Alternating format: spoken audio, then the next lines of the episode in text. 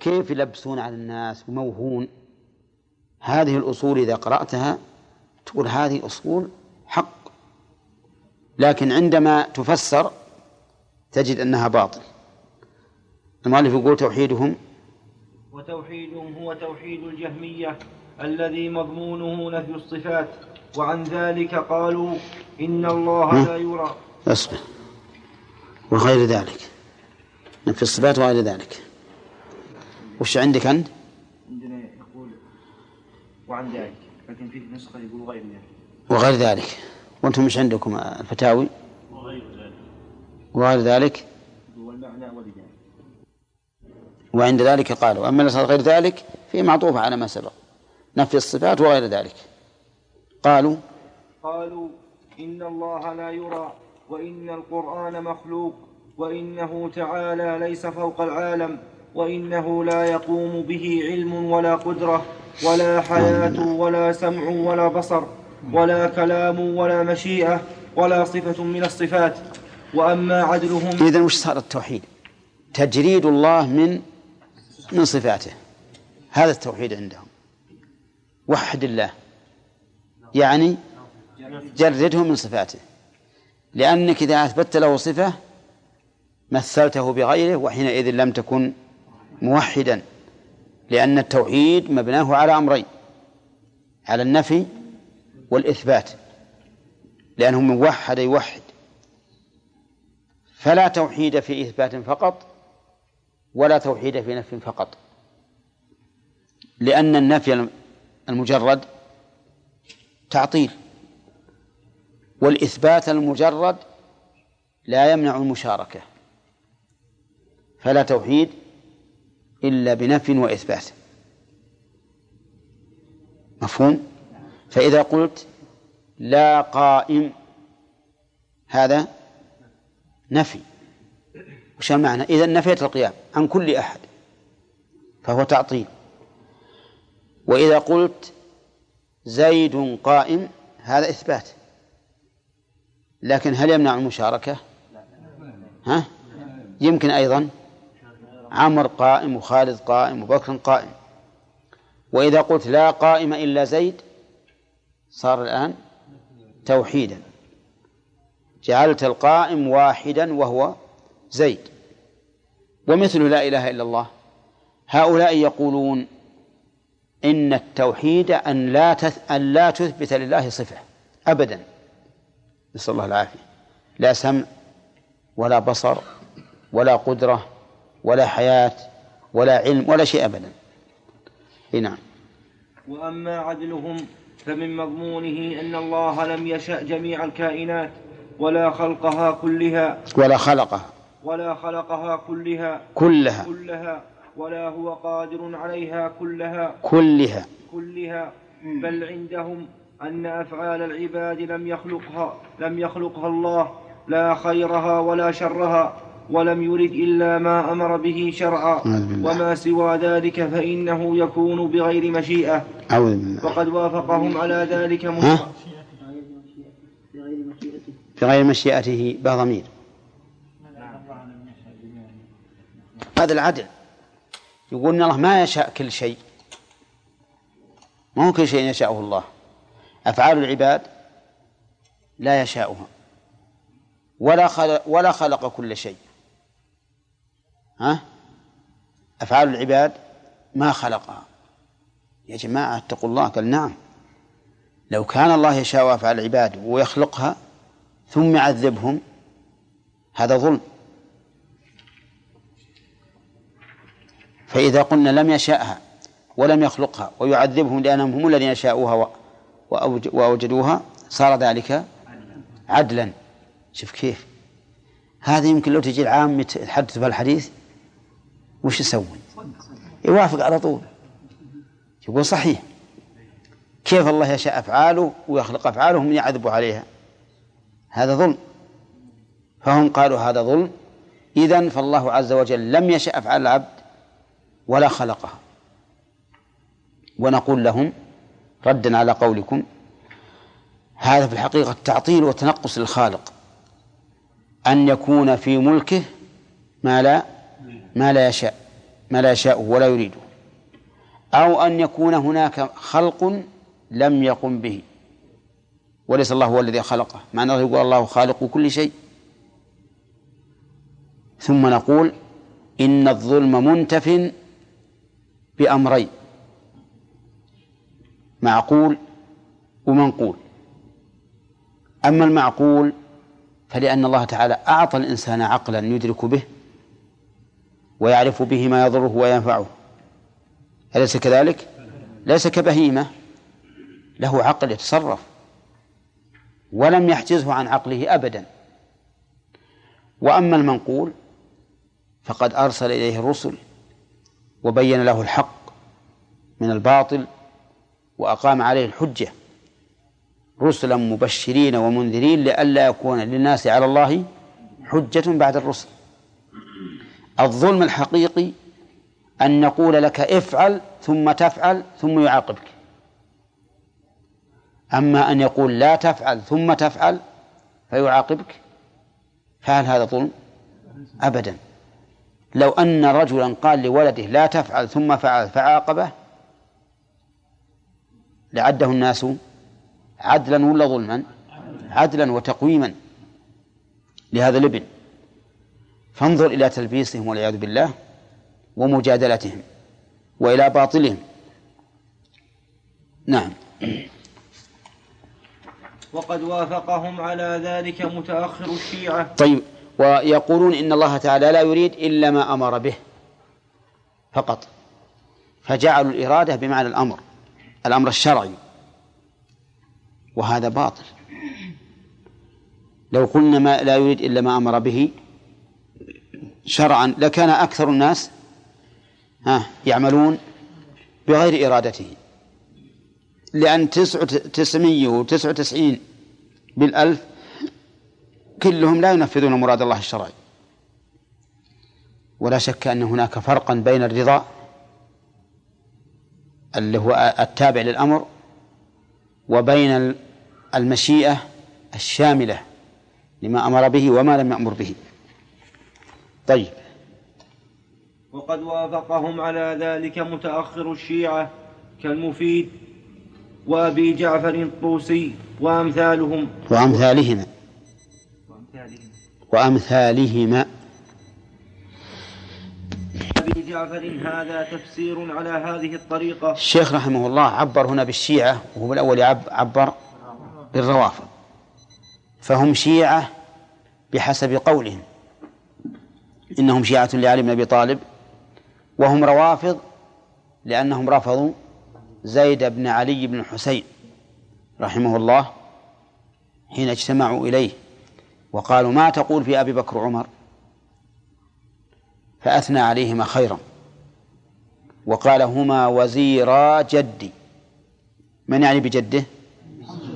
الرسول عليه الصلاة والسلام. فلما قال ذلك رفضوه. واعتزلوه. ومن ثم سموا رافضة. والحقيقة أن أهل السنة والجماعة هم شيعة علي بن أبي طالب رضي الله عنه ومن آمن من آل البيت. لأن لأن المؤمن المؤمن هو ولي لكل مؤمن. قال الله تعالى والمؤمنون والمؤمنات بعضهم أولياء بعض. فكل من كان أكثر إيمانا بالله عز وجل فإنه أكثر ولاية للمؤمنين من آل البيت ولغيرهم. وعلي بن أبي طالب رضي الله عنه بريء مما ينسب إليه من هذه الأقوال الباطلة بل إنه رضي الله عنه حرق غاليتهم بالنار. لما جاءوا إليه وقالوا له أنت الله أعوذ بالله. ما صبر. أمر بالأخاديد فخدت وبالحطب فجمع ثم ألقاهم في النار. شر قتله والعياذ بالله. لأنهم جعلوه إلها. جعلوه إلها. والذين لا يجعلونه إلها باللفظ قد يجعلونه إلها بالمعنى. ويعتقدون أنه مدبر للكون. وأنه ما من ذرة في الأرض ولا في السماء إلا والذي يدير يديرها علي بن أبي طالب. قطب الأقطاب. وعلى كل حال فنحن نقول نشهد الله عز وجل على محبة المؤمنين من آل البيت. ونرى أن المؤمن من آل البيت له حقان علينا. الحق الأول إيمانه والثاني قرابته من رسول الله صلى الله عليه وسلم. ونرى أنهم ما شرفوا إلا لقربهم من الرسول عليه الصلاة والسلام. وليس الرسول هو الذي شرف بهم بل هم شرفوا شرفوا بقربه. ونرى أيضا أنهم مراتب ومنازل وأنهم وإن تميزوا بهذه الخصيصة وهي القرب من الرسول عليه الصلاة والسلام فلا يعني ذلك أن لهم الفضل المطلق على من فضلهم في العلم والإيمان. فأبو بكر وعمر وعثمان رضي الله عنهم هؤلاء أفضل من علي بن أبي طالب. الفضل المطلق وإن كان علي بن أبي طالب يمتاز عنهم في بعض الخصوصيات لكن هذا لا يلزم منه التفضيل المطلق. وهذا لازم منه التفضيل المطلق لأن هناك فرق هناك فرقا بين الإطلاق وبين التقييد. نعم. نعم. نعم. هو رضي الله عنه رأى إن, إن هذا أعظم عقوبة مثل ما فعل أبو بكر رضي الله عنه في تحريق في الأمر بتحريق اللوطي وإن كان الإنسان قد يخفى عليه بعض الشيء أحيانا. ولهذا ابن عباس قال لو أن يعني أنه في مقام علي بن أبي طالب لقتلهم لقول النبي صلى الله عليه وسلم من بدل دينه فاقتلوه. وما أحرقتهم بالنار لأن النبي صلى الله عليه وسلم لها أن يعذب بالنار. فقيل إنه قال ما أسقط ابن أم الفضل على الهنات يعني على العيب والخطأ. نعم. ولأبي جعفر هذا تفسير على هذه الطريقة لكن يضم إلى ذلك قول, قول الإمامية الاثني عشرية فإن عشرية. العشر الاثني عشرية فإن المعتزلة ليس فيهم من يقول بذلك ولا من ينكر خلافة أبي بكر وعمر وعثمان وعلي. ومن أصول المعتزلة مع الخوارج إنفاذ, الوعيد في الآخرة وأن الله لا يقبل في أهل الكبائر شفاعة ولا يخرج منهم أحدا من النار. ولا ريب أنه قد رد عليهم طوائف طوائف من المرجئة طوائف ولا ريب أنه قد رد عليهم طوائف من المرجئة والكرامية والكلابية وأتباعهم فأحسنوا تارة وأساءوا أخرى حتى صاروا في طرفي نقيض. بس. كما نعم نعم. كما قد بسط. كما قد بسط في غير هذا الموضع. نعم. وهذا يكون أحيانا يرد بعض الناس على بعض البدع ولكن يكون في طرفي نقيض مع الآخرين. يأتي ببدعه. يأتي ببدعة. مثل ما ذهب إليه بعض الناس من أنه ينبغي في عاشوراء التوسعة على الأهل وإدخال الفرح والسرور. ليقابلوا بذلك الرافضة الذين يجعلون يوم عاشوراء يوم غم وحزن. وهذا خطأ لأن البدعة لا يجوز أن تقابل ببدعة بل يكفي في البدعة منعها. أن تقول هذا غير مشروع وكل بدعة ضلالة. وأما أن تحدث شيئا يقابلها فلا يمكن هذا لا ينفع. لا يم لا يذهب البدعة إلا السنة فقط. الله المستعان. قال المؤلف رحمه الله تعالى والمقصود أن مثل هؤلاء اعتقدوا رأيا ثم حملوا ألفاظ القرآن عليه وليس لهم سلف من الصحابة والتابعين لهم بإحسان ولا من أئمة المسلمين لا في رأيهم ولا في تفسيرهم وما من تفسير من تفاسيرهم الباطلة إلا وبطلانه يظهر من وجوه كثيرة وذلك من جهتين تارة من العلم بفساد قولهم وتارة من العلم بفساد ما فسروا به القرآن. إما دليلا على قولهم أو جوابا عن المعارض لهم. ومن هؤلاء من يكون حسن العبارة فصيحا ويدس البدع في كلامه وأكثر الناس لا يعلمون. كصاحب الكشاف كصاحب الكشاف ونحوه حتى إنه يروج على خلق يروج. حتى إنه يروج على خلق كثير ممن لا يعتقد الباطل من تفاسيرهم الباطلة. ما شاء الله. وقد رأيت من العلماء المفسرين وغيرهم من يذكر في كتابه وكلامه من تفسيرهم ما يوافق أصولهم التي التي يعلم أو يعتقد فسادها ولا يهتدي لذلك. الله أكبر.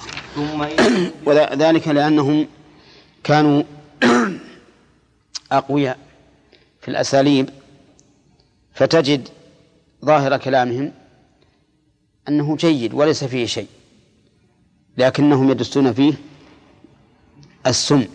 فهؤلاء الذين ينقلون من من تفاسيرهم ما ينقلون وهم يعلمون فساد قولهم معناه أنهم اغتروا بأساليبهم وألفاظهم ولم يهتدوا إلى إلى ما كانوا عليه من الباطل. وقد سبق لنا أن سبب ذلك أنهم كانوا يعتقدون رأيا ثم يستدلون لرأيهم أو يستدلون بنصوص الكتاب والسنة على ما لا تدل عليه. نعم.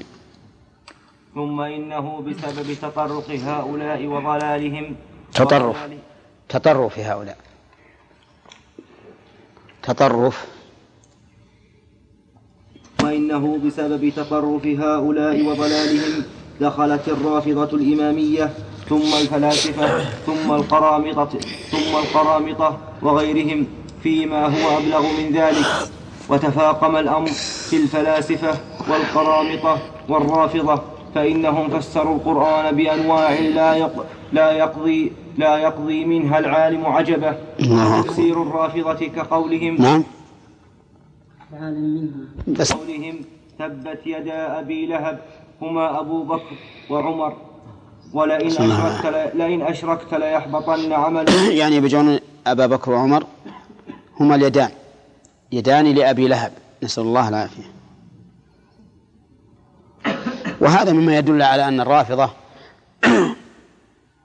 الحقيقة عندهم من الغل والحقد على الصحابة رضي الله عنهم. بل وعلى دين الإسلام ما يتسترون بظاهر حالهم من أنهم مسلمون وأنهم أهل الإسلام وهم والعياذ بالله في باطن أمرهم من أشد الناس عداوة وبغضا لأصحاب الرسول عليه الصلاة والسلام. فرجل يقول إنه مؤمن وإنه مسلم ثم يقول إن هذه الآية نزلت في أبي بكر وعمر أشرف الأمة على إطلاق أبو بكر وعمر. فإذا كان مثل هذه الآيات تنزل عليهما فما بقي للمسلمين شأن بعد ذلك. نعم. نعم. ما معنى قول بعض العلماء أن أن الرافضة خارجي يعني مستثنين من الفرق ال 71 و 72 يعني ليسوا من الفرق قل. لماذا؟ يرونهم خارجين عن الإسلام. والرسول عليه الصلاة والسلام يقول ستفترق هذه الأمة. فهم يقولون خارجون عن هذه الأمة. يعني ليسوا من أمة محمد. أي نعم. على أي إنسان يقول الصحابة كلهم ارتدوا إلا قليلا؟ والذي يقول أبو بكر وعمر ماتا على النفاق وأنهما خالدان مخلدان في نار جهنم؟ هل هذا إلا تكذيب لله ورسوله؟ ما بعد هذا كفر كفر. ولهذا يقول شيخ الإسلام إن قائل هذا القول لا شك في كفره بل لا شك في كفر من شك في كفره. حتى اللي يشك أنه كافر هو كافر. أي نعم. لئن أشركت ليحبطن عملك أي بين أبي بكر وعمر وعلي في وعلي في الخلافة. أعوذ بالله. وإن الله يأمركم أن والمراد لئن أشركت بمن؟ بالله في عبادته ولقد أوحي إليك وإلى الذين من قبلك لئن أشركت ليحبطن عملك هم يقولون لئن أشركت بين هؤلاء الثلاثة بالخلافة ها؟ كيف؟ وعمر ها؟ عندنا المثبت مقدم على النافي يعني معناه لئن جعلتهم خلفاء. لئن جعلتهم خلفاء فإن عملك يبطل. نعم. وعلى هذا فقد حرفوا القرآن أعظم تحريف والعياذ بالله. نعم. إن الله يأمركم أن تذبحوا بقرة هي عائشة. قاتلهم الله. قاتلهم الله. الذي يقول هذا موسى لقومه ومع ذلك قالوا إنها إن المراد عائشة. أمرنا الله تعالى أن نذبحها. قاتلكم الله. يعني أنا عندي أي إنسان يشوف مثل هذه التفاسير ما يشك في كفرهم والعياذ بالله. ولا يشك أي حتى ما عندهم ولا حياء. كيف لا يستحيون من عباد الله؟ وإذ قال موسى لقومه إن الله يأمركم أن تذبحوا بقرة. وين عائشة من, من, من موسى؟ حتى ينزل كلام رب العالمين على هذا المعاني. الله أكبر. نعم. هؤلاء الرافضة المتأخرين المتأخرين يأخذون من المتقدمين ويجادلون عنهم. لكن ما ما رأيك في قول من يقول أن الرافضة المتقدمة يعني يرون إمامة أبي بكر وعمر؟ ليس هذا بصحيح. ليس هذا بصحيح. وأنا رأيت أمرا عجبا منهم لكن ما هو من كلهم. يقول أبو بكر كافر وعمر كافر وعثمان كافر وعلي كافر. الثلاثة الأولون قالوا كفر لأنهم ظلمة. والرابع علي لأنه لم يدافع عن الحق واستسلم للباطل فكفر برضاه بالباطل نعم يقدم علي على أبي بكر وعمر. يكفر. وشو فيه؟ الرافضه ما هو بالغلاة بعضهم يقول إن علي أفضل من أبي بكر وعمر. نعم. يكفر. أما التفضيل المطلق فكذب. تفضيله على أبي بكر وعمر تفضيلا مطلقا هذا كذب ليس بصواب. وأما تفضيله في بعض الأحيان في بعض الأمور لقرابة من الرسول عليه الصلاة والسلام فهذا حق. قد يفضلهما في في شيء من الأشياء. أما على الإطلاق الله أعلم ما أتوقف في هذا. لكن لا تجد قوما يقولون أن علي أفضل من أبي بكر وعمر إلا وقلوبهم تنطوي على أنه أفضل حتى من الرسول عليه الصلاة والسلام. لكن ما يقدروا يصرحون. نعم. رد النصوص أي ما في شك. ما في شك. لكن قد يقول إحنا أفضل منه في في قرابته من الرسول عليه الصلاة والسلام. نعم. فقاتلوا أئمة الكفر طلحة والزبير مرج البحرين. طيب هذا يستقيم؟ وإن نكثوا أيمانهم بعد عهدهم وطعنوا في دينكم فقاتلوا أئمة الكفر. هذا في المعاهدين اللي عاهدهم الرسول عليه الصلاة والسلام. والحكم ينسحب على غيرهم بالقياس. إنما الآية ما هي ما ما هي ما, ما أراد هؤلاء المحرفون والعياذ بالله؟ لكنهم لا يبالون ولا يستحيون لا من الله ولا من عباد الله ولا من أحد. نعم. مرج البحرين علي وفاطمة اللؤلؤ والمرجان الحسن والحسين وكل شيء أعوذ بالله. مرج البحرين يلتقيان بينهما برزخ لا يبغيان ها؟ فبأي آلاء ربكما تكذبان؟ يخرج منهما اللؤلؤ والمرجان. طيب إذا كان بينهما برزخ لا يبغيان شلون؟ هو علي مع مع مع فاطمة بينه وبينه برزخ؟ نعم. لكن هذا يعني سخافة مثل ما قال الشيخ رحمه الله يقضي العالم منها العجب من سوء الفهم وسوء القصد. يعني جامع بين أمرين بين سوء الفهم وبين سوء القصد. تفاسيرهم هذه. وطيب ما المراد بالبحرين؟ قال العلماء معناه المراد بهما المالح والعذب. والبرزخ الذي بينهما قيل إنه ما يرى عند مصب النهر في البحر فإن النهر يأتي من دفع بقوة ويصل أمامه مثلا شيء طويل ما يمتزج بالبحر عند المصب.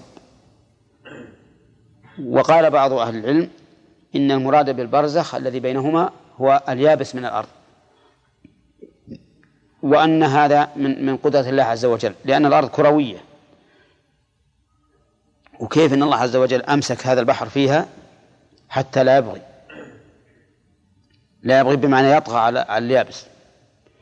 وقال بعضهم إن, إن هذا البرزخ إنه برزخ دقيق بين البحار. بين البحر المحيط والبحار الأخرى اللي تعتبر كالخلجان بالنسبة له أن بينها برزخ. ويقولون إنه يحس به بالأسماك التي تعيش في هذا ما تعيش في الثاني أو بالعكس. وهذا يدل على أنها متنوعة على الرغم من أنها متلاصقة فبينهما برزخ. فهذه ثلاثة أقاويل في في معنى هذا. ولم يقل أحد من أهل العلم لا السابقون وال لا السابقون واللاحقون لم يقل إن المراد به فاطمة وعلي بن أبي طالب. لكن هذه من خرافات الرافضة والعياذ بالله. نعم. وكل شيء أحصيناه في إمام مبين في علي بن أبي طالب. عما طيب. أين هذا من من, من اللفظ؟ كل شيء أحصيناه في إمام مبين أي في كتاب. يأتم به الإنسان ويأخذ به ويرى ويشاهد عمله. أين هذا من علي بن علي بن أبي طالب؟ نعم. لا شيء. لكن هم يقولون علي إمام. علي إمام ومبين فصيح مظهر الحق فكل شيء أحصاه الله في هذا الرجل. كل شيء أحصيناه كائن في إمام مبين. وهذا واضح أنهم يدعون أن علي بن أبي طالب يعلم يعلم الغيب. لأنهم إذا قالوا كل شيء أحصيناه أين مكانه؟ في هذا الإمام. كائن في هذا الإمام. فعلى هذا يرون فعلى هذا يعتقدون أن عند علي بن أبي طالب من علم الغيب والشهادة ما عند ما عند الله. فكل ما أحصاه الله من الأمور فإنه كائن ها في هذا الإمام في علي بن أبي طالب. إنهم يكفرون علي كيف يكفرون هذا؟ ما هم بذولا. قلت طائفة منهم. هنا لا هؤلاء ما يكفرون ها؟ وكل شيء. نعم. يمكن يحرفونهم. أو يقولون كل شيء أحصيناه جملة مستقلة وفي إمام مبين جملة أخرى. نعم. عما يتساءلون عن النبأ العظيم علي بن أبي طالب. وإنما ولي أعوذ بالله. القرآن كله علي. أي نعم على هذا الحال. عما يتساءلون عن النبأ العظيم الذي هم فيه مختلفون. وهذا بن أبي طالب لأن الناس مختلفين فيه. ما بين مادح وقادح ومحب ومبغض. ولكن هل علي نبأ؟ نعم. ولا منبأ به؟ ثم هذا الخلاف الذي هم فيه مختلفون. كائن ولا سيكون؟ كائن الذي هم فيه مختلفون. ما قال الذي هم فيه يختلفون أو سيختلفون؟ وعلي بن أبي طالب حين نزول الآية ما اختلف الناس فيه. نعم. إنما وليكم الله ورسوله والذين آمنوا الذين يقيم الذين يقيمون الصلاة ويؤتون الزكاة وهم راكعون. هو علي. ويذكرون الحديث الموضوع بإجماع أهل العلم وهو تصدقه تصدقه بخاتم تصدقه. تصدقه بخاتمه في الصلاة. وكذلك قوله أولئك عليهم طيب وهل هذا صحيح؟ ها؟ أبدا ما هو صحيح. إنما وليكم الله ورسوله والذين آمنوا كل مؤمن. كل مؤمن فإنه ولي لله ورسوله. نعم؟ الله ولي الذين آمنوا. والرسول عليه الصلاة والسلام يقول أنا ولي كل مؤمن. وأنا أولى بكل مؤمن من نفسه فهذه الولاية الحقيقية.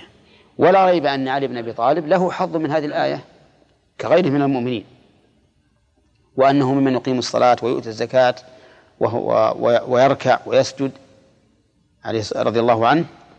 لكن ما يمكن أن نقول إن هذا خاص به لا يتناول غيره.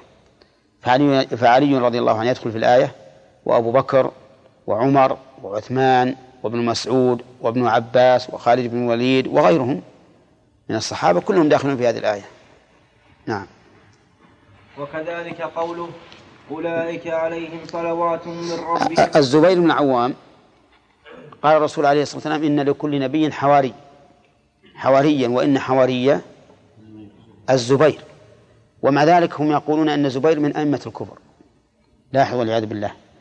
فإذا كان الزبير من أئمة الكفر وهو حواري الرسول صلى الله عليه وسلم وش يلزم الرسول؟ يكون أصحاب الرسول الخاص الخاصون به هم أئمة الكفر.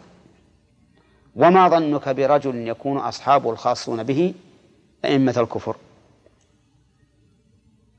نعم. يكون مثلهم. يكون مثلهم. إما بطريق اللزوم وإما بطريق الاصطحاب. ولهذا جاء في الحديث وإن كان فيه نظر نظر لكن المؤمن أن الرجل على دين خليله أو المرء على دين خليله فلينظر أحدكم من يخالل. الحواري أصحاب الخاصون. من المحاورة لا من الخصوصية. نعم. وكذلك قوله أولئك عليهم صلوات من ربهم ورحمة نزلت في علي لما أصيب بحمزة. الله أكبر. ومما طيب يا سبحان الله العظيم. أيما أعظم مصابا الرسول صلى الله عليه وسلم ولا علي بحمزة؟ ها؟ إيه لكنهم يقولون إن علي هو الذي أصيب بحمزة. وهو الذي له هذه الآية. فيكون من من كذبهم وافترائهم. يكون علي بن أبي طالب أشد حزنا على فقد مثل حمزة من رسول الله صلى الله عليه وسلم. وكذبوا والله في ذلك. المصاب به أعظم من أصيب به بلا شك هو الرسول عليه الصلاة والسلام. إي نعم. نعم. يقدمون علي على النبي الان بس غير بصورة غير واضحة يعني. أي نعم. هم هم هم كذلك. هم باطن أمرهم بالحقيقة. الكفر ما في إشكال. وليسوا يجعلون علي بن أبي طالب أفضل من الرسول فقط يجعلون علي بن أبي طالب إله كل شيء أحسنه في يمن مبين معناه أنهم أنهم ساووا علي بن أبي طالب بالرسول عليه الصلاة والسلام. ها؟ بالله نعم بالله. نعم بالله. نعم. ومما يقارب هذا من بعض الوجوه ما يذكره كثير من المفسرين في مثل قوله الصابرين والصادقين والقانتين والمنفقين والمستغفرين بالأسحار. إن الصابرين رسول الله والصادقين أبو بكر والقانتين عمر والمنفقين عثمان والمستغفرين علي. ومن وفي مثل قوله طيب هذا هذا جهل أيضا لأن هذه الأوصاف يصح أن تنطبق على موصوف واحد. أما نوزعها فهذا غير صحيح. وأيضا الصابرين والصادقين والقانتين الذي يظهر أن القانت أفضل منهم. كيف يكون الرسول في المرتبة مرتبة الصبر وهذا مرتبة الصدق وهذا مرتبة القنوت؟ نعم. الرسول عليه الصلاة والسلام هو أفضل من اتصف بهذه الصفات فهو أصبر الصابرين وأصدق الصادقين من الخلق وكذلك أفضل القانتين وهو أجود المنفقين حتى إنه يعطي عطاء من لا يخشى الفقر ويبيت طاويا عليه الصلاة والسلام. وأما استغفاره فناهيك به. كان يستغفر الله ويتوب إليه في اليوم مئة مرة وكان يقوم الليل حتى تتورم قدماه. ويقول أفلا أكون عبدا شكورا؟ نعم. وفي مثل قوله محمد رسول الله والذين معه أبو بكر أشداء على الكفار عمر رحماء بينهم عثمان تراهم ركعا سجدا علي واعجب من هذا هذا من التوزيع لكن هذا مو بتفسير الرافضة هذا تفسير لكنه تفسير قاصر بلا شك. يقول محمد رسول الله والذين معه لأن أبا بكر معه في الغار. إذ يقول لصاحبه لا تحزن إن الله معنا. وعمر أشداء الكفار لأن أشد الناس في, في, في دين الله عمر. عثمان مشهور بالرحمة واللين والعطف. وركعا سجدا علي بن أبي طالب رضي الله عنه من الراكعين الساجدين. لكن عثمان أيضا شهر عنه أنه كان يقوم الليل وأنه كثير القيام. والمهم أن هذا خطأ وأن قوله والذين معه يشمل كل الصحابة. نعم. وقوله أشداء على الكفار رحماء بينهم تراهم ركعا سجدا ينطبق على الجميع. والآية تخاطب الجميع. نعم. مو الآية موافقة الروافض؟ انهم قالوا بالآية اللي قبلها إنما وليكم الله قال هو علي. وهنا قال آه، تراهم ركعا سجدا قال علي. الروافض ما هي موافقة. الروافض ما يفس يقول الذي معه أبو بكر. أبو بكر يقول بعيد منه.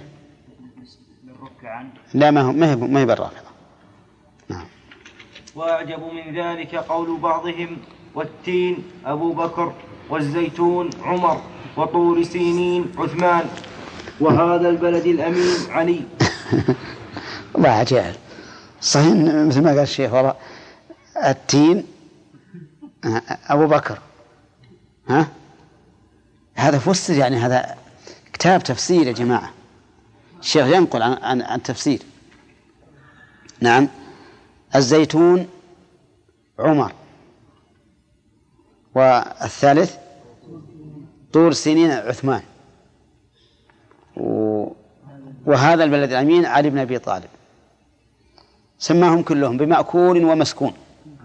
نعم نسأل الله العافية. نعم. ما ندري. الظاهر والله لا تعلق يا عبد العزيز. وإلا تأخرت عن هذا وتجلس أنت هنا. لعله لما قدم التين وكان أبو بكر رضي الله عنه مقدما بدأ به. قال ما دام أبو بكر أفضلهم والله والله بدأ بالتين ثم بالزيتون على حسب ترتيبهم في الخلاف والأفضلية. نعم. ها؟ وطور سنين هذا عثمان. عثمان أي هو قال هذه أربع كلمات وهؤلاء أربعة. وهم مرتبون هكذا. أبو بكر ثم عمر ثم عثمان ثم علي. يمكن يجي والشمس وضحاها يقول هذا الرسول والقمر إذا تلاها أبو بكر. إيش بعده؟ والنهار إذا جلاها عمر. ها؟ والليل إذا غشاها يجي بعد رافض يقول عثمان. ليل مظلم. إيش بعده؟ ونفس وما سواه هذا علي. يمكن مخ- مخرفين ذولا والعياذ بالله. فهو رأى أن هذه الكلمات مرتبة وقال نخليها نخ- نخلي على هؤلاء الأربعة لأنهم مرتبون. ما في مناسبة أبدا. نعم. وأمثال هذه الخرافات التي تتضمن تارة تفسير اللفظ بما لا يدل عليه بحال فإن هذه الألفاظ لا تدل على هؤلاء الأشخاص بحال. وقوله والذين معه أشداء على الكفار رحماء رحماء بينهم تراهم ركعا سجدا كل ذلك نعت للذين معه وهي التي يسميها النحاة خبرا بعد خبر. والمقصود هنا أنها كلها صفات لموصوف واحد. صفات. صفات لموصوف واحد. وهم الذين معه. ولا يجوز أن يكون كل كل منها مرادا به شخص واحد. وتتضمن تارة جعل جعل اللفظ المطلق. جعل. جعل, نعم. جعل اللفظ المطلق منحصرا في شخص واحد كقوله إن نعم. العام. وتتضمن تارة جعل اللفظ المطلق العام منحصرا في شخص واحد كقوله إن قوله تعالى إنما كقولهم. كقوله. لا كقولهم. قولهم إن قوله تعالى إنما وليكم الله ورسوله والذين آمنوا. أريد, أريد بها علي وحده. وقول بعضهم قولي. وقول بعضهم إن قوله إن قوله والذي, والذي جاء بالصدق وصدق به. أريد بها أبو بكر وحده. وقوله لا. هذه قال بها بعض المفسرين. قال والذي جاء بالصدق وصدق به. هذه نزلت في أبي بكر. ولكن سبق لنا أن قوله نزلت في كذا يعني أنه داخل ها في معناها فيكون تفسيرا.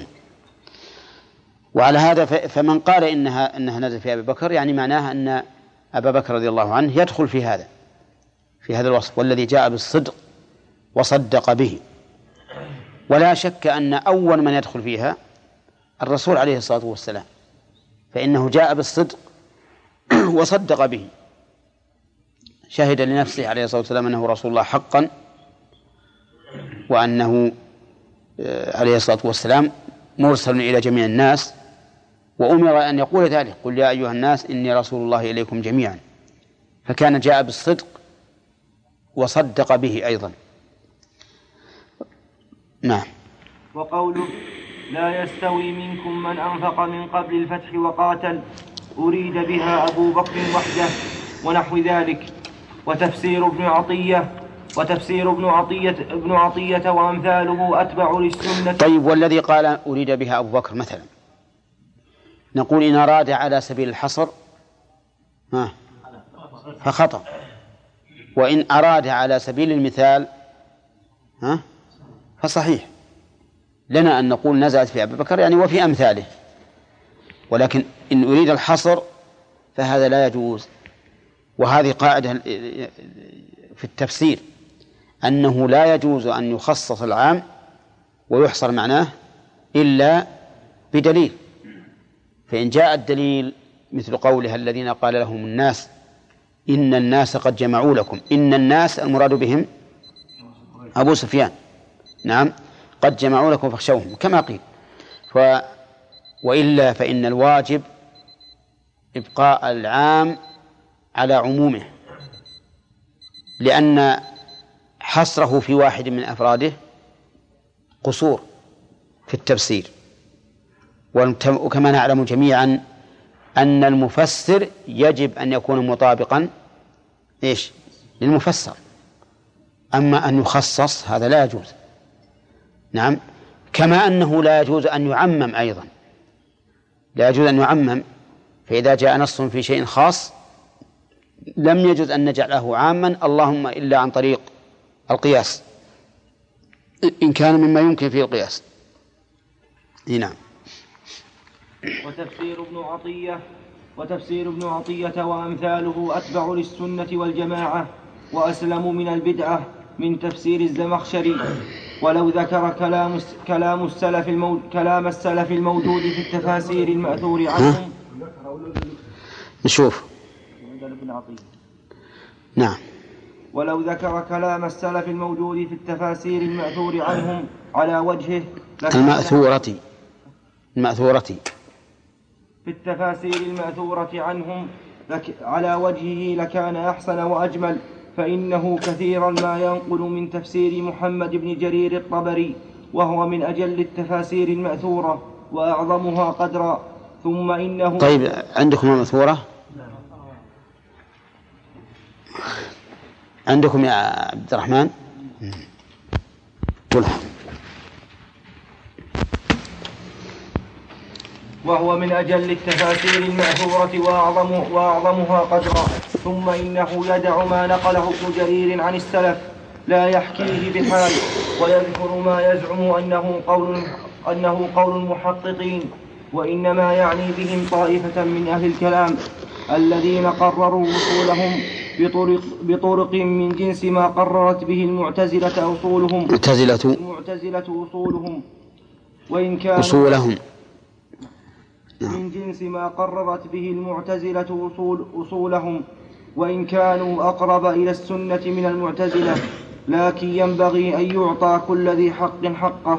ويعرف أن هذا من جملة التفسير على المذهب. فإن الصحابة والتابعين هذا من كلام الشيخ رحمه الله. يدل على أن الرجل منصف وعادل وأن الحق إذا كان ولو إذا كان من أهل البدع يجب أن يقبل وأن أهل البدع إذا كان بعضهم أقرب إلى السنة من بعض يجب أن يثنى عليهم بهذا القرب. وأما أن نرد ما قاله أهل البدع جملة وتفصيلا حتى ما قالوه من الصواب ونقول هذا قاله صاحب بدعة فهذا خطأ. لأن الواجب أن يقول الإنسان الحق أينما كان؟ ولا ينظر إلى قائله. ولهذا قال يجب أن يعرف الرجال بالحق لا الحق بالرجال. أنت إذا عرفت الحق بالرجال معناه أنك مقلد محض. لكن إذا عرفت الرجال بالحق وأنه إذا كان ما يقولونه حقا فهم رجال حقا فهذا هو, هو العدل. فالشيخ رحمه الله يقول يجب أن يعطى كل ذي حق حقه. حتى لو كان من أهل البدع وكان قريبا من أهل السنة فإننا نعطيه حقه ونقول هذا المبتدع أقرب إلى السنة من هذا المبتدع. أي نعم. فإن الصحابة فإن الصحابة والتابعين والأئمة إذا كان لهم في تفسير الآية قول وجاء قوم فسروا الآية بقول آخر لأجل مذهب اعتقدوه وذلك المذهب ليس من مذاهب الصحابة والتابعين لهم بإحسان صار مشاركا للمعتزلة وغيرهم. صاروا؟ صاروا مشاركين صاروا مشاركين. إي نعم. صاروا مشاركين للمعتزلة وغيرهم من أهل البدع في مثل هذا. وفي الجملة من عدل عن من عدل عن مذاهب الصحابة والتابعين وتفسيرهم إلى ما إلى ما يخالف ذلك كان مخطئا في ذلك بل مبتدعا وإن كان مجتهدا مغفورا له خطأه. فالمقصود بيان طرق العلم وأدلته وطرق الصواب ونحن نعلم. انتبهوا لهذه مسألة مهمة. من عدل عن مذاهب عن مذاهب الصحابة والتابعين وتفسيرهم إلى ما يخالف ذلك كان مخطئا في هذا بل مبتدعا وإن كان مجتهدا مغفورا له. خطأه. يعني فنحن نصفه بأنه مخطئ وبأنه مبتدع لأن كل قول في دين الله لم يأتي في كتاب الله ولا سنة رسوله ولا في قول الصحابة والتابعين لهم بإحسان فهو قول مبتدع لأنه محدث. وقد قال الرسول عليه الصلاة والسلام كل محدثة بدعة وكل بدعة ضلالة. فهذه قاعدة مهمة سواء كان ذلك في التفسير أو في الأحكام الشرعية أو في الأمور العلمية العقدية. فكل شيء مخالف لما كان عليه الصحابة والتابعون لهم بإحسان فإنه قول مبتدع وصاحبه مخطئ. ولكن هل يأثم هذا القائل؟ ينظر إذا كان مجتهدا باذلا وسعة. في طلب الحق ولكن لم يصل إليه فهو مغفور له. ولهذا قال الشيخ رحمه الله وإن كان مجتهدا مغفورا له خطأه. فلنا, فلنا الآن نظران. نظر إلى القول أو التفسير ونظر إلى القائل أو المفسر. فالقول أو التفسير المخالف لما كان عليه الصحابة والتابعين بإحسان هذا قول مبتدع باطل. وأما بالنسبة للقائل فينظر فإن كان قد بذل الجهد وسعى قدر ما يستطيع إلى الوصول إلى الحق ولكن لم يتبين له إلا ما قال فإنه يغفر له خطأه. لأن الله يقول لا يكلف الله نفسا إلا وسعها. فيعذر بهذا الخطأ. وهذه القاعدة تكاد تكون مجمعا عليها وإن كان بعض أهل العلم أو إن كان العلماء يختلفون في تفصيلها أحيانا. لكنها قاعدة هي أصيلة وأصل. إيه نعم. نعم. نعم. مغفر له كان بعد الولد إيش؟ إذا كان قلنا أنه إذا كان مجتهد نعم. فيكون مغفرا له نعم. وأيضا نسميه مبتدع مع قولنا أنه مجتهد. أي نعم. نعم لأن هذا القول مو معروف عند الصحابة والتابعين لهم بإحسان. القول هين لكن هذا الرجل. ها. سمه مبتدع. نعم نعم. نقول هو مبتدع في قوله هذا. ولا نعطيه الوصف المطلق. نقول هو مبتدع في قوله هذا. أي نعم. مر معنا في المقدمة أن المؤلف يعني رحمه الله قال أنه وضع كتابه قواعد أساسية يحتاج لها كل مفسر. نعم. من خلال القراءة ما صحيح صحيح. هو شيخ الإسلام رحمه الله كالبحر أو كالنهر. إذا سبحت فيه تغاص إلى أذانك. هو يستطرد هو يعني كتبه رحمه الله أحيانا تكون استطرادية ثم ما يجد الإنسان اللي كان يتوقع. ما يجد الذي كان يتوقعه. ولكنه رحمه الله يذكر هذه الأصول أحيانا كما تشاهدون نجد فيه أصل من الأصول. وهذا اللي أشرت إليه في الأول قلت لكم إذا جاءنا أصل من الأصول أو قاعدة من القواعد احرصوا على تقييدها. يكون الإنسان عنده دفتر مثلا خاص في هذا في هذا الدرس. يقول من القواعد التي في مقدمة التفسير كذا وكذا. ومر علينا عدة قواعد الآن. إن شاء الله تعالى يمكن بعد ما ننهي الكتاب نرجع. إليه ونشوف وش القواعد اللي مر علينا نعم. ها؟ هذه القاعدة التي أشرتم آه الآن طبعا في هناك تفاسير آه تنظر يعني تفاسير علمية. يعني تنظر للمكتشفات الحديثة. نعم. فعندما يكون هناك تفسير أو آية مثلا ليس هناك طبعا دليل شرعي عليها بمعنى حديث عن الرسول صلى الله عليه وسلم وإنما فيها أقوال مثلا للصحابة أو أقوال للسلف. وقد يكون أيضا بينهم هناك أكثر من قول. نعم. ويأتي مفسر فيستند في التفسير إلى جانب اللغة العربية يعني كونه موجود في اللغة العربية. ال- الأشياء المكتشفات التي نعم. فما هو هل يدخل في هذه القاعدة يقال عنه مبتدع؟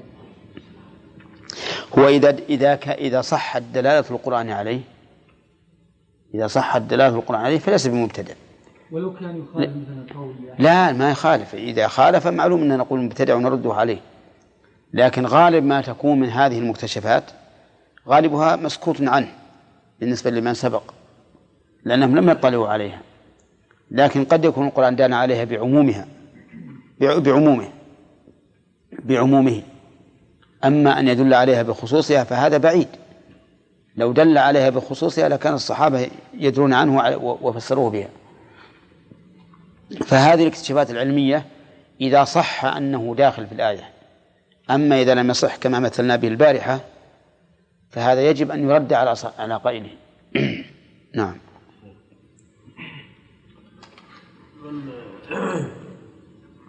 من فسر الفتنة بالغزو الفكري. هل هو بال ولا لا صحيح. كيف؟ صحيح؟ إي نعم. نعم. كما أخبر بها الرسول. فتن كقطع للمظلم يصبح الرجل كافرا مسلم مؤمنا ويمسي كافرا أو يمسي مؤمنا ويصبح كافرا. نعم. ونحن نعلم أن المقصود ونحن نعلم أن القرآن قرأه الصحابة فالمقصود فالمقصود. فالمقصود بيان بيان طرق العلم وأدلته وطرق الصواب. ونحن نعلم أن القرآن قرأه الصحابة والتابعون وتابعوهم وأنهم كانوا أعلم بتفسيره ومعانيه كما أنهم أعلم بالحق الذي بعث الله به رسوله صلى الله عليه وسلم. فمن خالف قولهم وفسر القرآن بخلاف تفسيرهم فقد أخطأ في الدليل والمدلول جميعا.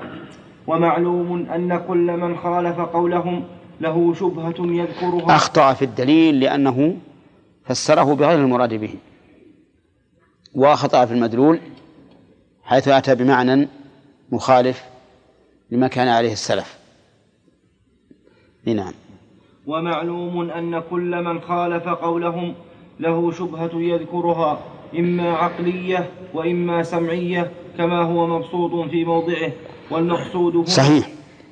ما قاله الشيخ رحمه الله له أصل في القرآن أن المخالفين لذلك لهم شبه وقد بين أشار الله إلى ذلك في في قوله هو الذي أنزل عليك كتابا منه آيات محكمات هن أم الكتاب وأخر متشابهات. فأما الذين في قلوبهم زيغ فيتبعون ما تشابه منه.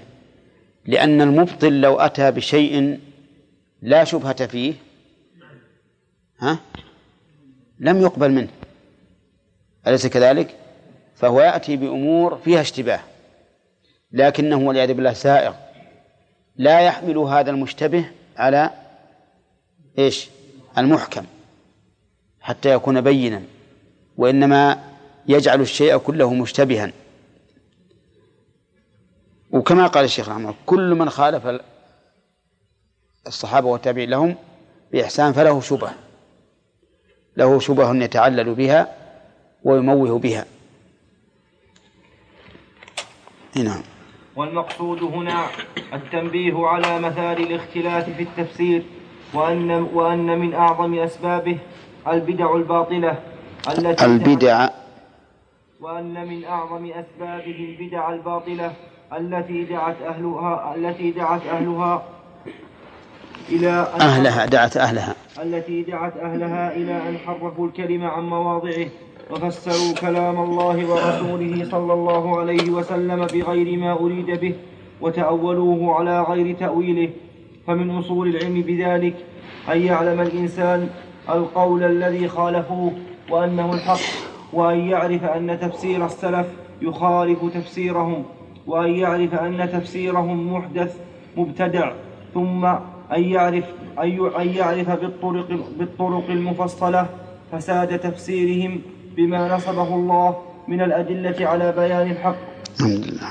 وكذلك وقع من الذين صنفوا في شرح الحديث وتفسيره من المتأخرين من جنس ما وقع بما من جنس ما وقع بما صنعوه من شرح القرآن فيما فيما صنفوه.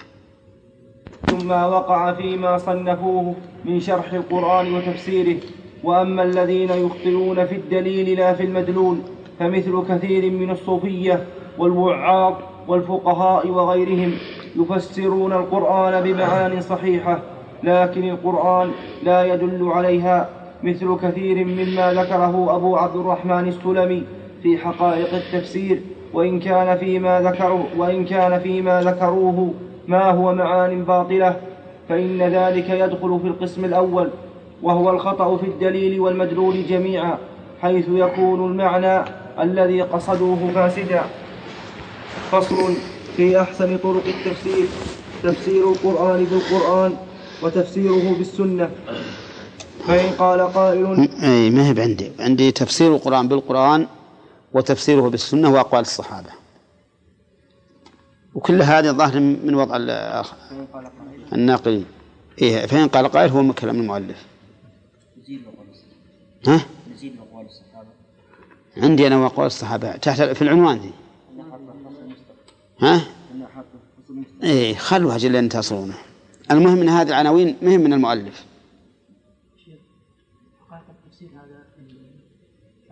لا ما أعرف عنه شيء. يقول في باطن كبيرة. إيه. وهل يقدح فيه أبو عبد الرحمن السلمي؟ يعني هذا ما أدري أنا ما شفته. ما أدري هو ينقل عن غيره أو يقول بنفسه ما نا ما نعرف. نعم. فإن قال قائل فما أحسن طرق التفسير؟ فالجواب إن أصح الطرق, الطرق في ذلك أن يفسر القرآن بالقرآن فما أجمل في مكانه فإنه قد في مكان ما بضمير. في مكان. في مكان. إيه ما فيها ضمير. إيه. إيه. أنا فما حسب أجمل في مكان فإنه قد فسر في موضع آخر. وما اختصر في مكان فقد بسط في موضع آخر. فإن أعياك ذلك فعليك بالسنة. فإنها شارحة للقرآن وموضحة له. بل قد قال الإمام أبو عبد الله محمد بن إدريس الشافعي كل ما حكم كل ما حكم به رسول الله صلى الله عليه وسلم فهو مما فهمه من القرآن. قال الله فهو مما فهم سيد عندكم؟ إيه. أنا عندي بما فيه. وش عندك أنت؟ مما فهمه؟ هم؟ قال الله تعالى إنا أنزلنا إليك الكتاب بالحق. لتحكم بين الناس بما أراك الله ولا تكن للخائنين خصيما. وقال تعالى وأنزلنا إليك الذكر لتبين للناس ما نزل إليهم ولعلهم يتفكرون. وقال تعالى وما ما نزلت؟ ما نزل إليه عندكم ما أنزل؟ ها؟ اللي عندكم منزل؟ ها؟ إيوه عندك أنزل؟ إيه الصواب ما نزل. إيه. نعم. وقال تعالى وما أنزلنا عليك الكتاب إلا لتبين لهم الذي اختلفوا فيه وهدى ورحمة لقوم يؤمنون. ولهذا قال ولهذا قال رسول الله صلى الله عليه وسلم ألا إني أوتيت القرآن ومثله معه؟ يعني السنة والسنة أيضا تنزل عليه بالوحي كما ينزل القرآن. لا أنها تتلى كما يتلى وقد أنا استدل عندي لأنها. ها؟ لا أنها لام ألف ثم همزة. لا أنها لا أنها أنها تتلى كما يتلى وقد استدل الإمام الشافعي وغيره وغيره من الأئمة على ذلك بأدلة, بأدلة كثيرة. ليس هذا موضع, موضع ذلك. والغرض أنك تطلب أنك تطلب تفسير القرآن منه فإن لم تجده فإن لم تجده تجده. هي بلم هذه تجزم؟ نعم. فإن لم تجده فمن السنة كما قال رسول الله صلى الله عليه وسلم لمعاذ حين بعثه إلى اليمن بم تحكم؟ قال بكتاب الله. قال فإن لم تجد؟ قال بسنة رسول الله بسنة رسول الله. قال فإن لم تجد؟ قال أجتهد رأيي. قال فضرب رسول الله صلى الله عليه وسلم في صدره وقال. الحمد لله الذي وفق رسول رسول رسول الله صلى الله رسول الله لما يرضي الله لما يرضي رسول الله. وهذا الحديث في المساند والسنن بإسناد جيد. لا عندي وفق رسول رسول الله. رسول رسول الله نعم. نعم. هو تكلم بعض العلماء على هذا وضعفه لكن المؤلف يرى أن إسناده جيد. وهو الظاهر لأنه ما يخالف ال... يعني يوافق القاعدة العامة في الشريعة. أن الإنسان يحكم بكتاب الله فإن لم يجد فبسنة رسول الله صلى الله عليه وسلم. لأن في اصبر يا أخي. لأن في السنة أشياء ما فصلها القرآن ولا تجدها ظاهرة في القرآن.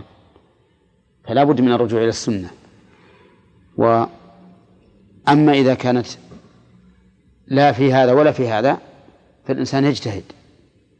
ويجتهد رأيه ليس المعنى أنه يحكم برأيه.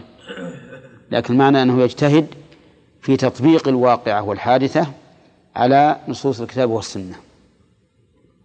وبهذا يكون هذا الحديث مطابقا للقواعد العامة في الشريعة. الذين ضعفوه ظنوا أن أن قوله فإن لم تجد فبسنة رسول الله أن تكون السنة في مرتبة متأخرة عن وظنوا أيضا أن قوله أجتهد رأيي يعني أحكم بالرأي. وليس كذلك. نعم. بهذه الطريقة السنة هل آه، تن- تنسخ القرآن؟ إذا صحت نسخت القرآن لكن ما لها مثال على الرغم من أن نقول هذا جائز لكن لا مثال له أبدا ليس هناك مثال لنسخ القرآن بالسنة ها؟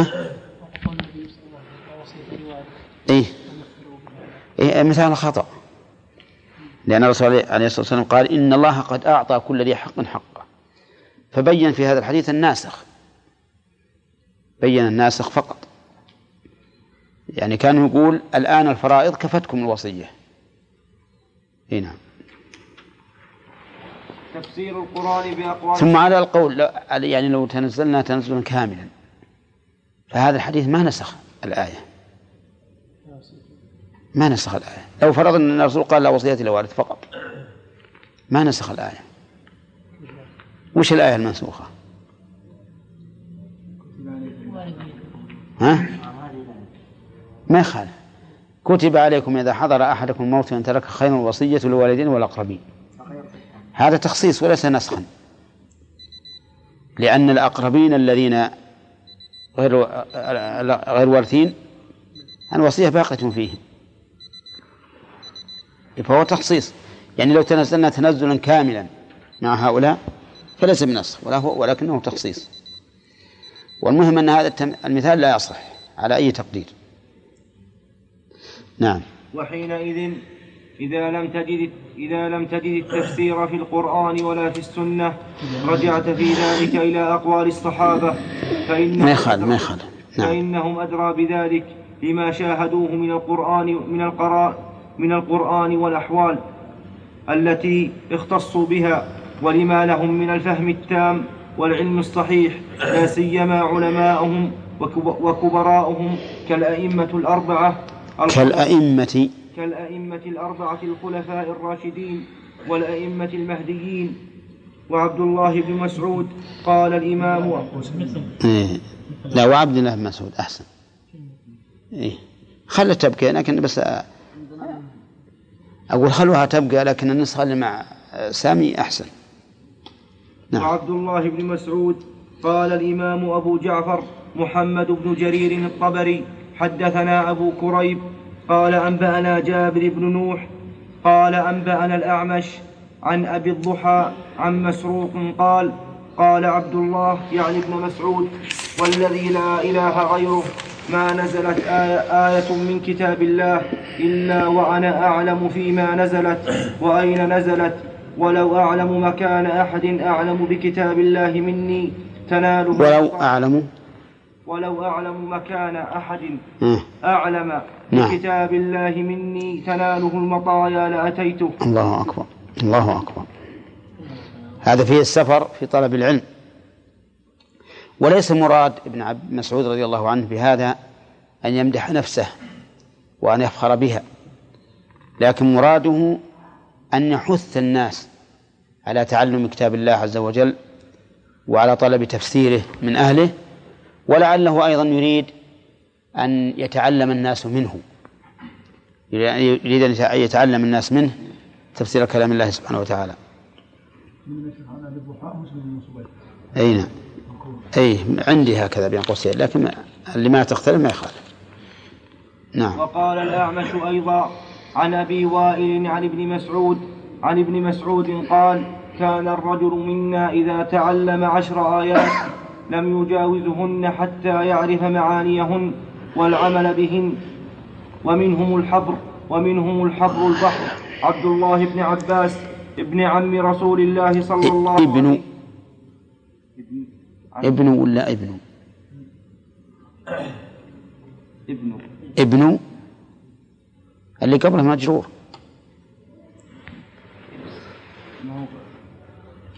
مو بأب مو بأب ها؟ إيه. لأنك لو تقول ابن لو تقول ابني صار العباس هو ابن العم. وابن العم هو عبد الله. اي نعم. قول ابن مسعود يعني أنه أكثر علما من بكتاب الله اي ما في شك إنه أعلم منه أعلم بكتاب الله. نعم. وأيضا لما يقول في ذلك الوقت ما هو قصده ما هو يقول يعني بفاخر ما قصده الفخر. نعم. الحبر والبحر كلمتان مترادفتان. نعم نعم.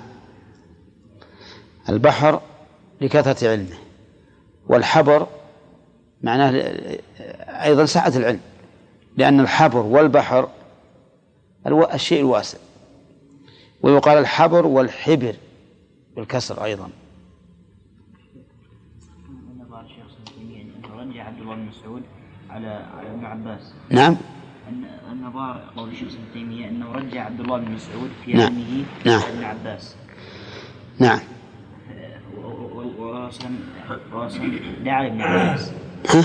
الله صلى الله عليه وسلم دعا لابن عباس. أي نعم. فكيف موفق؟ ما يمنع ما قال الرسول اللهم اجعله أعلم الناس. قال اللهم علمه التأويل. نعم. عن ومنهم الحبر البحر عبد الله بن عباس ابن عم رسول الله صلى الله عليه وسلم وترجمان القرآن ببركة دعاء رسول الله صلى الله عليه وسلم له حيث قال اللهم فقهه في الدين وعلمه التأويل. وقال ابن جرير حدثنا محمد بن بشار قال أنبأنا وكيع قال أنبأنا سفيان عن الأعمش عن مسلم قال قال عبد الله عن ما مسلم قال عبد الله يعني يعني ابن مسعود. نعم. نعمة نعمة. نعمة ترجمان القرآن ابن عباس. ابن ابن عباس. نعمة ترجم ترجمان القرآن. ترجمان. نعمة ترجمان القرآن. ابن عباس. ثم رواه عن يحيى بن داود. عن إسحاق عن إسحاق الأزرق. عن سفيان. عن إسحاق. عن إسحاق. وش المعنى من الصرف؟ العلمية نعم.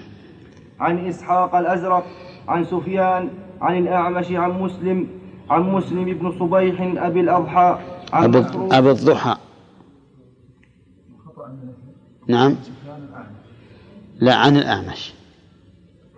عن عن مسلم بن صبيح أبي الضحى عن مسروق ابن صبيح.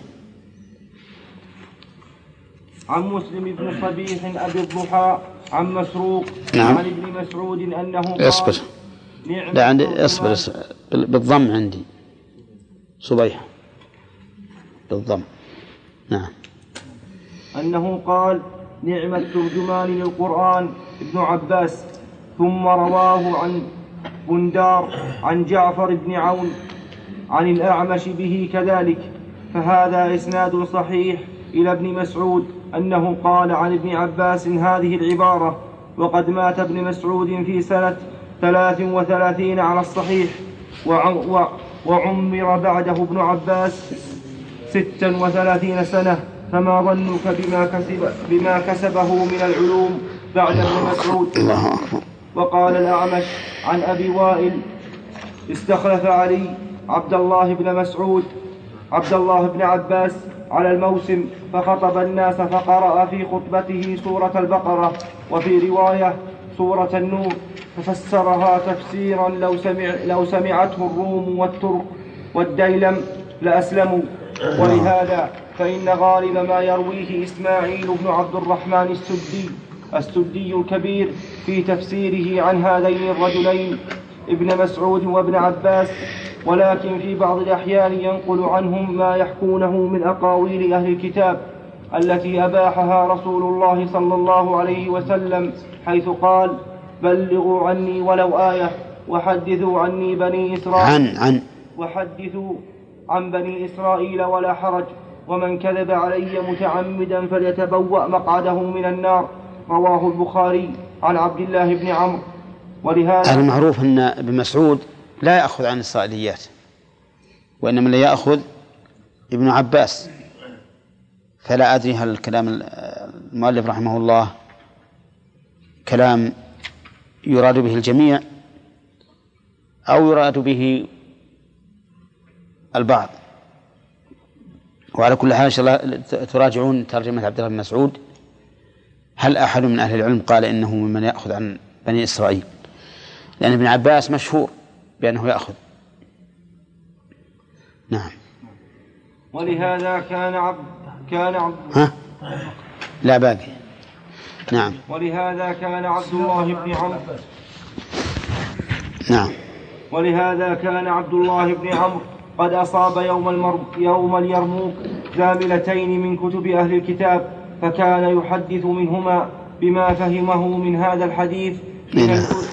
من الإذن ذلك أصبر إيه. ظهر نقف على هذا لأنه نقف على هذا. تام الوقت لا. أي نعم النص. والمدلول هو الشيء الذي أثبت بهذا النص أو استدل له بهذا النص. هذا المدلول. فأحيانا يكون خطأ في الدليل والمدلول وأحيانا يكون خطأ في المدلول آه، آه، في في الدليل دون المدلول. نعم. يعني قد يكون فيهما جميعا وقد يكون في المدلول أو بعبارة أصح في الدليل.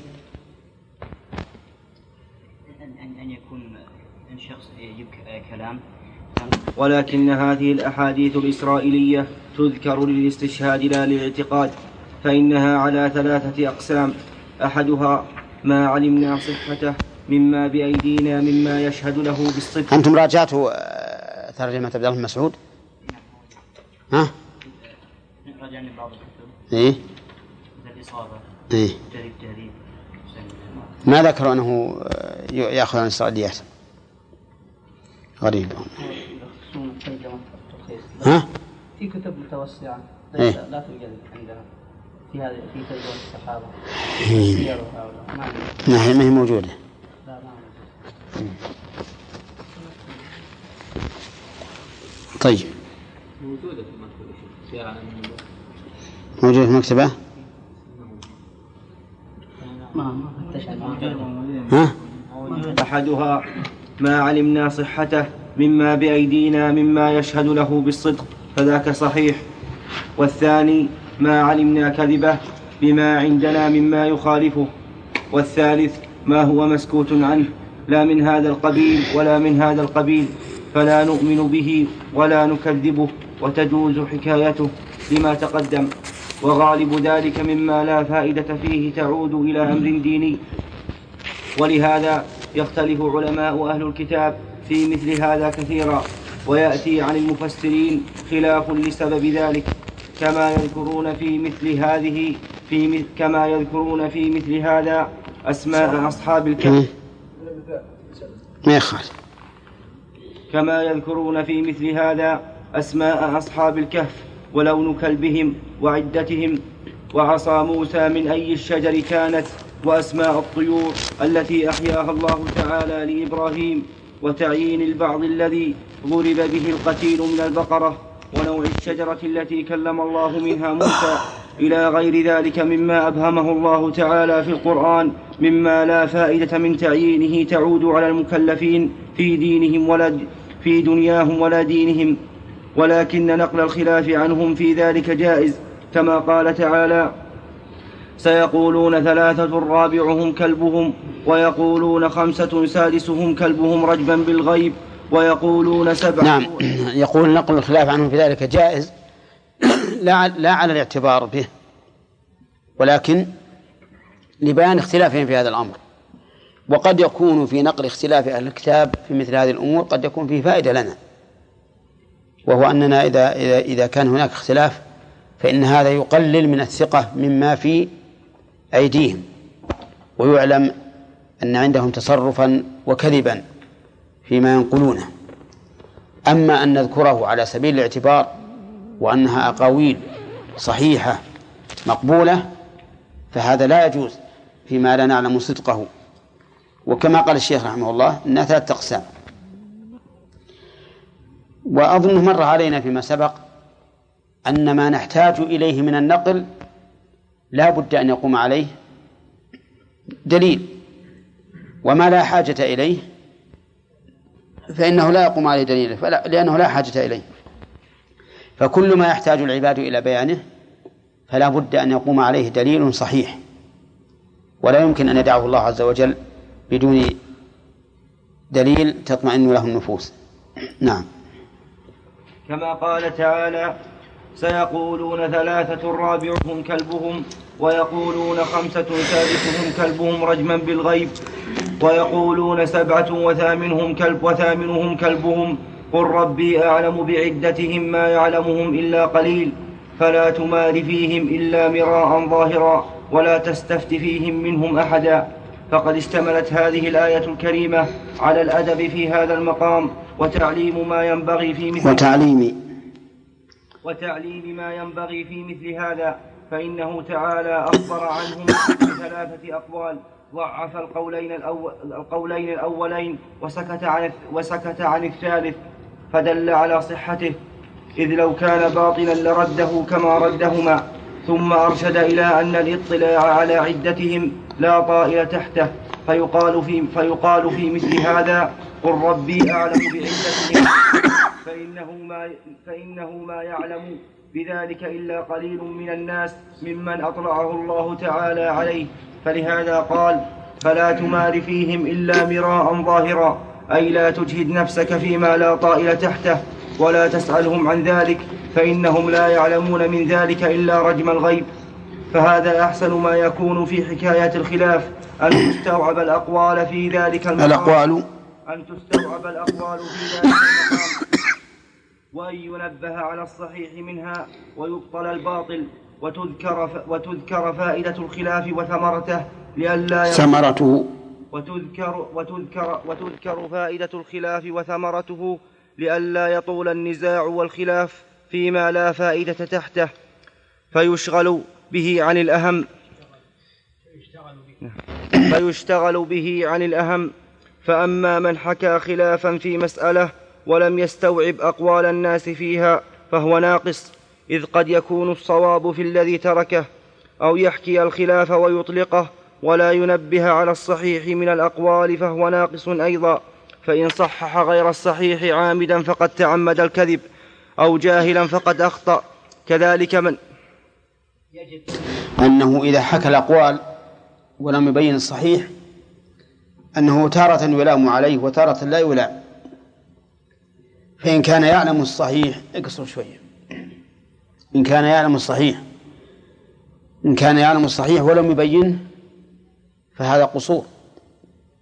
وإن كان لا يعلم كما لو كان القولان عنده على حد سواء فإنه لا يلزم أن يبين. وهذا يقع حتى في كلام المؤلف أحيانا في الفتاوي وغيرها يذكر يقول فيه قولان لأهل العلم ثم يقول هذا قول الجمهور وهذا قول فلان هذا قول مالك هذا قول الشافعي وما أشبهه. فالإنسان الذي يسوق الخلاف فإن من الأمانة أن ينقل جميع الأقاويل. لأنه كما قال الشيخ ربما يحذف من الأقاويل ما هو أصح. ثم إذا نقل الأقاويل فإن كان لديه حجة ترجح أحد الأقوال وجب عليه أن يبين الراجح حتى لا يدع السامع في حيرة. وإن كان لا يعلم فليس عليه بأس في أن يقال في أن يطلق يذكر الخلاف ولا يبين الراجح لأنه لأن الله لا يكلف نفسا إلا وسعها. نعم. كذلك من نصب الخلاف فيما لا فائدة تحته أو حكى أقوالا متعددة لفظا ويرجع حاصلها إلى قول أو قولين معنى. فقد ضيع الزمان وتكثر في وتكثر بما ليس بصحيح. وكذلك وكذلك وكذلك من نصب الخلاف. كذلك من كذلك من نصب الخلاف فيما لا فائدة تحته أو حكى أقوالا متعددة لفظا ويرجع حاصلها إلى قول أو قولين معنى. فقد ضيع الزمان وتكثر بما ليس فقد ضيع الزمان؟ الزمان. الزمان وأكثر. وأكثر. وتكثر بما وش عندكم أنتم تكثر ولا أكثر؟ تكثر. مم. عندي أنا وأكثر مما ليس بصحيح. لكن يمكن تكثر يناسب ما بعده لأنه قال فهو كلابس ثوب يزور. طيب. أي نعم.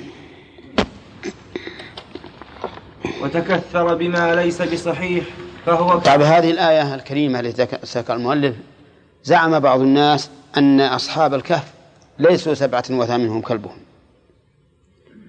وتشبثوا بقوله تعالى قل ربي أعلم بعدتهم. وهذا لا شك أنه غلط في تفسير الآية. لأن الله قال قل ربي أعلم بعدتهم يعني وقد أبطل قولين وسكت عن الثالث. وعلى هذا فيكون الثالث هو الأصح. لأنه لو كان خلاف الأصح لبينه الله عز وجل لأن الله تعالى لا يعلم الأمر على خلاف ما هو عليه. ثم إنه قال ما يعلمهم إلا قليل. ولو كان المراد بقوله ربي أعلم بعدتهم أنه لا يعلمهم أحد من الناس لكان مناقضا لقوله ما يعلمهم إلا قليل. فالآية بلا شك تدل على أن أصحاب الكهف كانوا سبعة وكان ثامنهم كلبهم. وهنا نكتة في مسألة العدد. قال سبعة وثامنهم ولم يقل ثمانية ثامنهم كلبهم لأن الكلب من غير الجنس. وإذا كان من غير الجنس فإنه لا يدخل في العدد ولكنه يجعل بعده.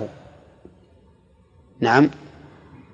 ولهذا قال الله عز وجل ما يكون من نجوى ثلاثة إلا هو رابعهم ولم يقل من نجوى أربعة إلا هو رابعهم لأن لأنه لأنه خالق وهم مخلوقون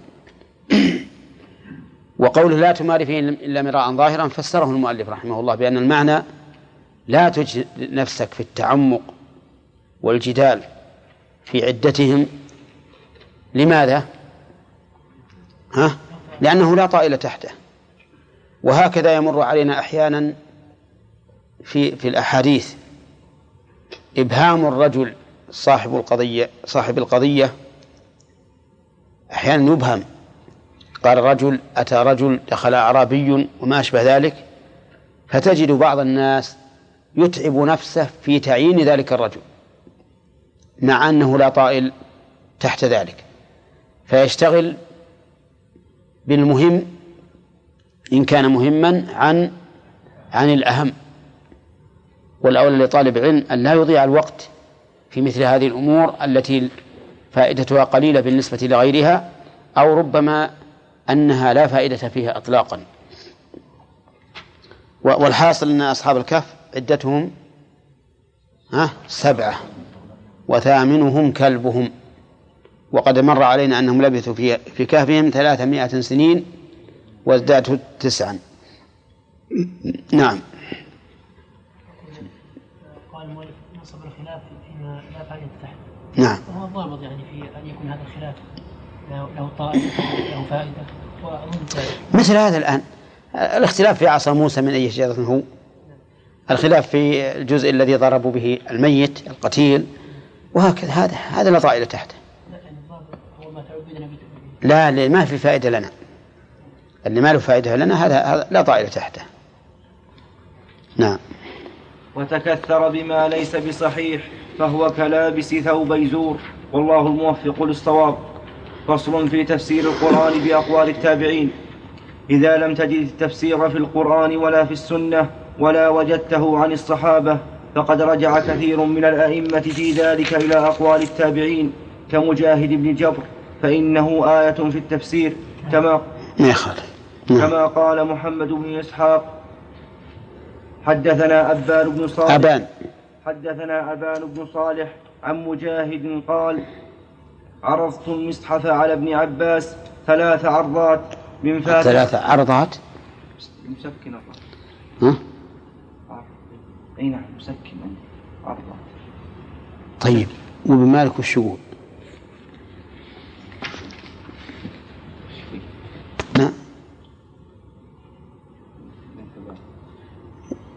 الله خلف همكم غيبين الفيه والساكن العين الثلاثي ها اسما أنل إتباع عين فاءه بما شكل. إن ساكن العين مؤنثا بدأ. وهذا ينطبق عليه ولا لا؟ ها؟ ينطبق. إذا عرضات كذا وسكن التالي على الفتح أو خففته بالفتح طيب مثل شجرات تقول شجرات ولا شجرات؟ ها؟ طيب عرضة تقول فيها عرضات. عرضت المصحف على ابن عباس ثلاث عرضات من فاتحته من فاتحته إلى خاتمته. أوقفه عند كل آية منه. عند كل. أوقفه عند كل آية منه. وأسأله عنها. وبه إلى الترمذي قال حدثنا الحسين بن مهدي البصري قال حدثنا عبد الرزاق عن معمر عن قتادة قال ما في القرآن آية آية عن قتادة؟ قال مجاهد. ما عندك ذي؟ عندكم أنتم ما لا. بين قوسين. اي نعم. عندنا ما في. ما فيه عندي بين قوسين كأنها نسخة. نعم والكلام في مجاهد هنا. ما في القرآن آية إلا وقد سمعت فيها شيئا وبه إليه قال حدثنا ابن أبي عمر قال حدثنا سفيان بن عيينة سفيان. قال حدثنا سفيان بن عيينة عن الأعمش قال قال مجاهد لو كنت قرأت قرأت قراءة ابن مسعود. ابني. لو كنت قرأت قراءة ابن مسعود لم أحتج أن أسأل ابن عباس عن كثير من القرآن مما سألت وقال ابن جرير حدثنا أبو كريب قال حدثنا طلق بن غنام عن عثمان المكي عن ابن, عن ابن أبي مليكة قال رأيت مجاهدا سأل عن تفسير القرآن ومعه ألواح رأيت رأيت مجاهدا سأل ابن عباس؟ ما خالف ترى ما هو بلازم لأن يبينها اللي بعده. رأيت مجاهدا سأل عن عن تفسير القرآن ومعه ألواحه. قال ابن عباس أكتب. أكتب. قال ابن عباس ها؟ قال فيقول. إيه. لا عندنا فقال ابن عباس اكتب. نعم. ما يخالف. ماشي. نعم. قال ابن عباس اكتب حتى سأله عن التفسير كله. ولهذا كان تفسير كان سفيان الثوري يقول كان سفيان الثوري ولهذا كان سفيان الثوري يقول إذا جاءك التفسير عن مجاهد فحسبك به نعم. وكسعيد بن جبير وعكرمة مولى ابن عباس وعطاء بن, وعطاء بن أبي رباح والحسن البصري ومسروق بن الأجدع وسعيد بن المسيب وأبي العالية والربيع بن أنس وقتادة والربيع بالكسر كله. معطوف على ما سبق. والربيع بن أنس وقتادة والضحاك بن مزاحم. والربيع بن أنس. إيه احذف الواو وغيرهم من التابعين وتابعيهم ومن بعدهم. فتذ- فتذكر أقوال أقوال أقوالهم في الآية فيقع في عباراتهم تباين في الألفاظ واحد في كثير من الأمكان. في كثير من الأماكن فليتفطن اللبيب لذلك والله الهادي. وقال شعبة بن الحجاج وغيره أقوال و- التاب وغيره. وقال شعبة بن الحجاج وغيره أقوال التابعين في الفروع ليست حجة. فكيف تكون حجة في التفسير؟ حجة. فكيف تكون حجة في التفسير؟ يعني أنها لا تكون حجة حجة حجة على غيرهم. حجة. يعني أنها لا تكون حجة على غيرهم ممن خالفهم وهذا صحيح. أما إذا اجتمعوا على الشيء فلا يرتاب في. فلا يرتاب في كونه حجة. يرتاب. أما إذا اجتمعوا على الشيء فلا يرتاب في كونه حجة. فإن, فإن اختلفوا فلا يكون قول بعضهم حجة على بعض ولا على من بعدهم.